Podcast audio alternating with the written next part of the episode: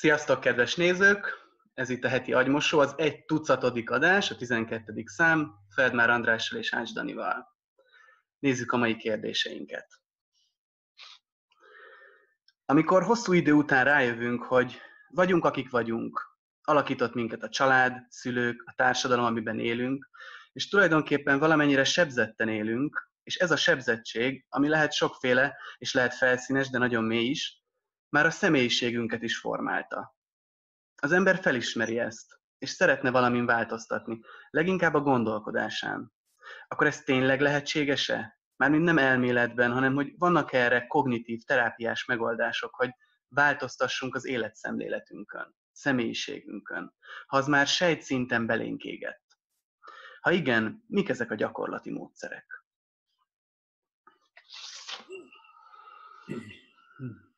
Hát ez, ez, ez egy olyan kérdés, amiben tulajdonképpen a kérdésre kell rákérdezni.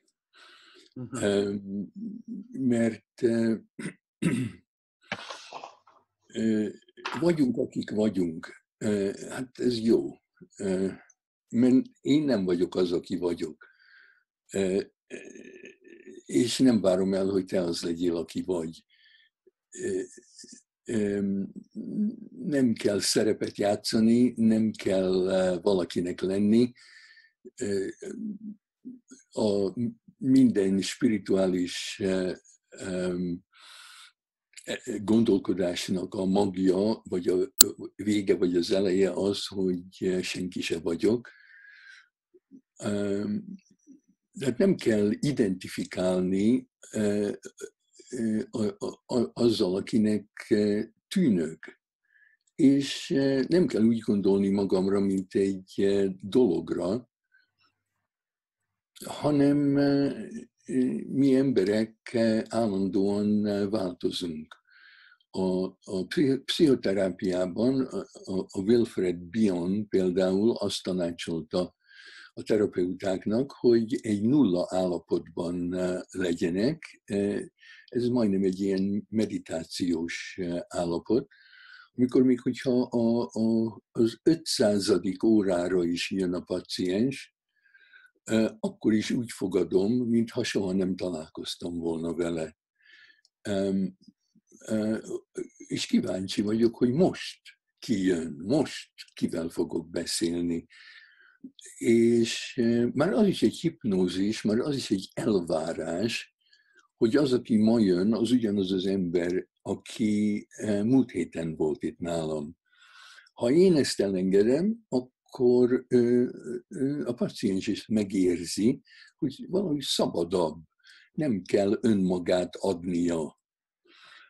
A valóság, az egzisztenciális valóság szerintem az, hogy mindannyian szabadok vagyunk. Hogy a múlt nem determinálja a jövőt, és minden pillanat egy kritikus pillanat. Tehát minden pillanatban csinálhatok, mondhatok, gondolhatok valamit, amit eddig soha. A, a többi illúzió.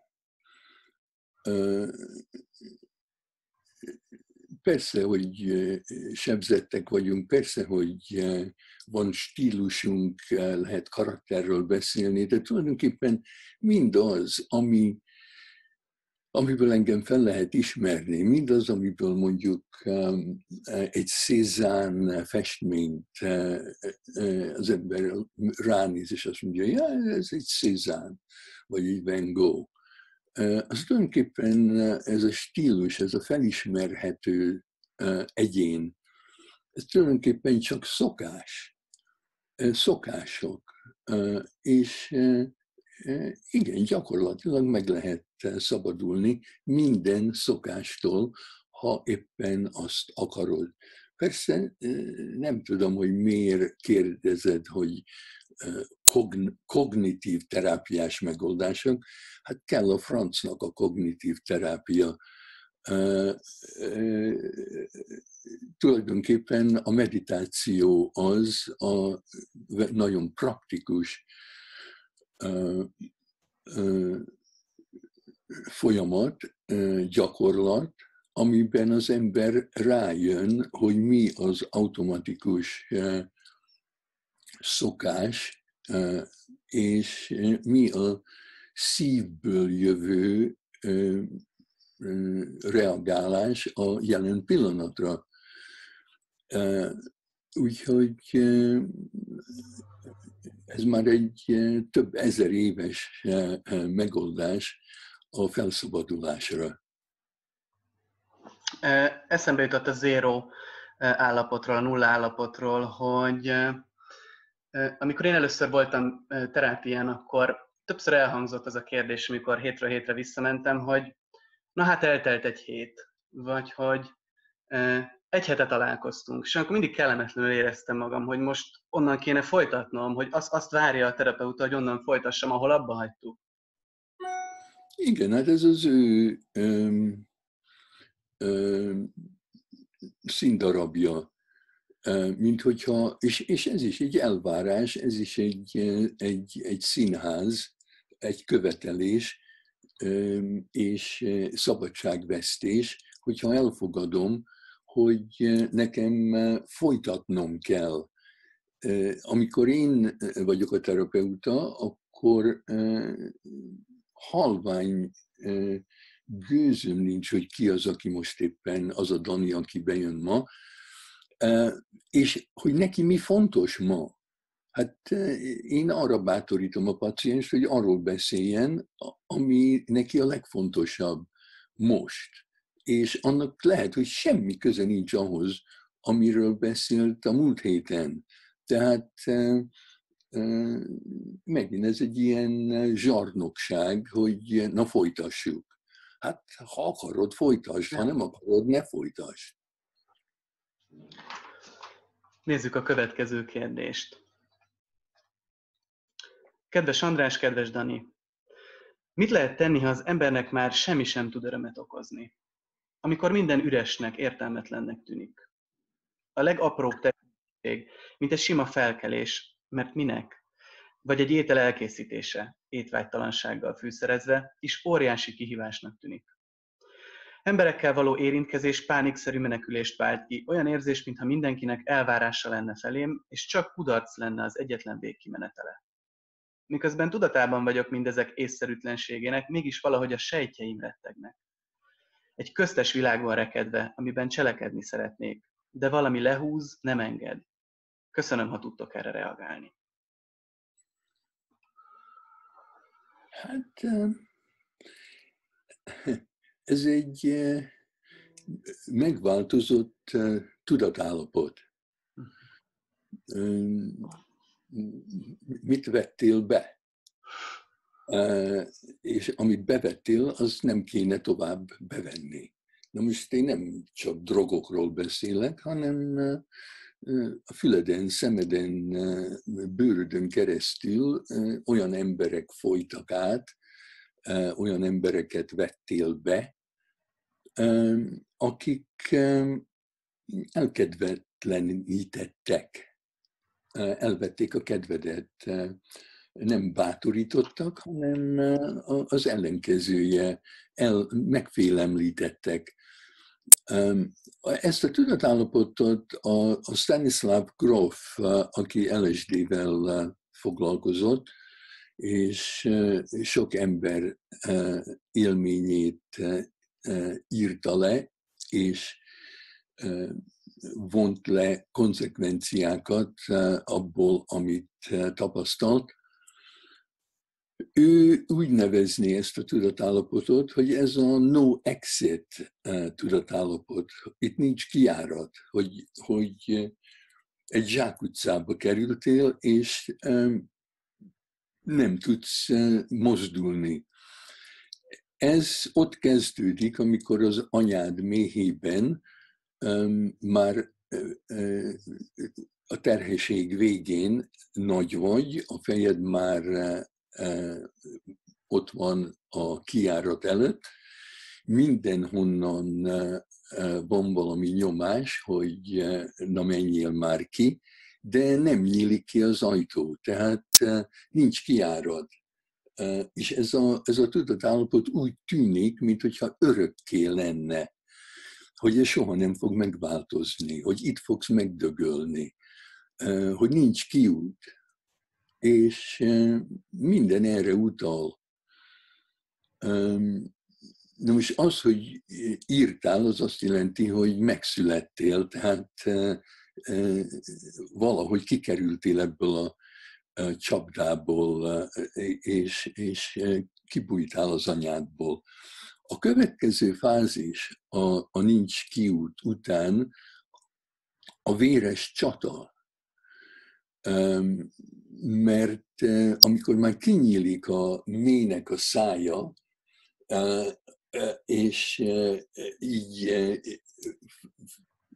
jössz ki, akkor nagyon nagy a súrlódás, amit úgy észlelünk, mint egy véres csatát. És az energia akkor az, hogy én kijövök innen, ne állj az utamba, ha valaki, bárki engem meg akarna állítani, azt megölöm.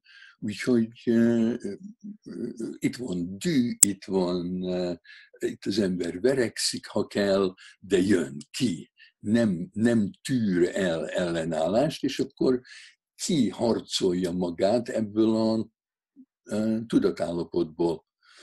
Na most szerintem ebben a tudatállapotban ragadtál, itt vagy most, ahonnan írsz, és valószínűleg nem lehet innen kikerülni, addig, amíg el nem határozott, hogy van egy csomó véres csata, amit meg kell vívnod. Például a jó barátom, a filozófus, az Alfonso Lingis, mesélte nekem, hogy úgy 16-17 éves korában um, agorafóbiától szenvedett, legalábbis így címkézték a tudatállapotot, ami hasonló volt a tiédhez, hogy nem ismert kimenni a, a, a, a szobájából. Rettenetesen félt mindentől, és tulajdonképpen bezárta magát a szobájában, és nem csinált semmit egy bizonyos pillanatban rájött arra, hogy ha nem, ha nem csinál semmit, akkor itt, itt fog meghalni ebben a szobában. Ezt pedig nagyon nem akarta.